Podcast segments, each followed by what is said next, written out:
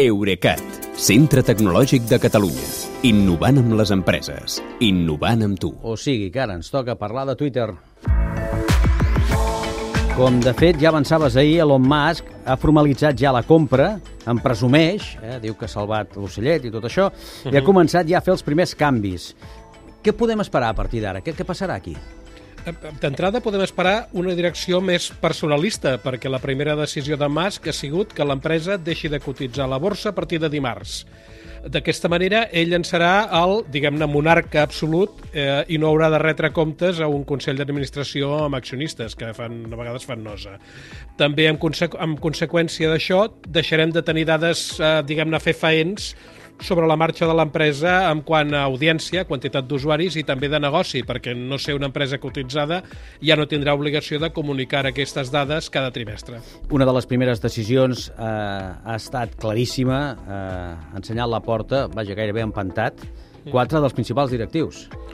Aquesta jo crec que estava més que cantada, però Sí, el que potser, sí, sí, potser ningú esperava és aquesta escena pel·liculera dels guàrdies de seguretat acompanyant fins a la porta, com deies, algun dels acomiadats. Entre ells hi ha el ja exconseller delegat, el pare Cagraval, i l'exdirectora jurídica Vijaya Gade, que per cert no és un home com han publicat alguns mitjans d'aquí.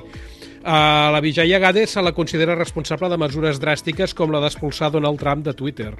Uh, de tota manera, eh, jo crec que no cal patir excessivament per ells perquè marxen amb bons paracaigudes. El que menys s'emporta una, una indemnització de mm, 17 milions d'euros i el que més gairebé 50 milions. I ara Musk haurà de mantenir l'equilibri entre la llibertat d'expressió, que havia promès, a més a més, i els interessos del negoci, que no cal que prometi, que ja sabem que els buscarà, també.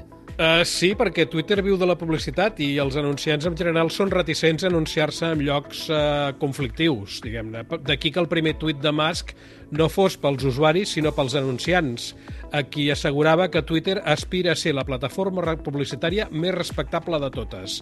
Ja veurem com combina això amb les ex- expectatives d'una moderació de contingut eh, menys, menys estricta, que han expressat algunes veus de la banda més, diguem-ne, conservadora de l'espectre polític. Per exemple, tant Donald Trump com el britànic Nigel Farage, que és eh, un dels artífecs del Brexit, i han dit que estan encantats amb la nova propietat de Twitter.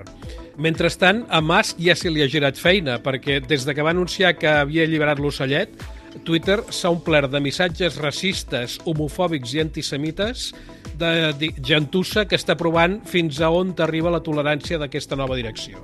Una tolerància que també estarà marcada per factors, diríem, externs, eh? Sí, aviam, sense anar més lluny, el comissari europeu de Mercat Interior, en Thierry Breton, ha respost amb el tuit aquell de l'ocell alliberat que dèiem d'en Musk, amb un altre on li diu que a Europa l'ocellet haurà de volar segons les normes europees que inclouen l'obligació de controlar el discurs d'odi.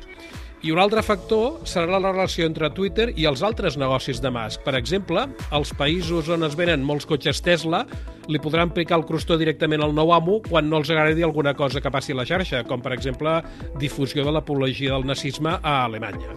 I mentrestant, que això era una evidència que podia passar, vaja, que passaria, Musk s'ha portat gent de la seva confiança.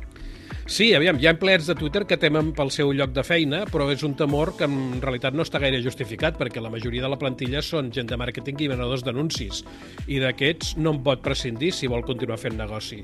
En canvi, sembla que la seu de Twitter hi han desembarcat enginyers de software, precisament de Tesla, per examinar el codi de Twitter, perquè Musk ja va dir al primer moment que no es refiava del que li havien explicat als directius aquests que ara ha despatxat. Doncs a veure si troben alguna cosa estranya. Ja ens ho explicaran, segurament. Molt bé, que vagi bé, bon cap de setmana. Igualment, Kilian, fins dilluns. Eurecat, centre tecnològic de Catalunya. Innovant amb les empreses. Innovant amb tu.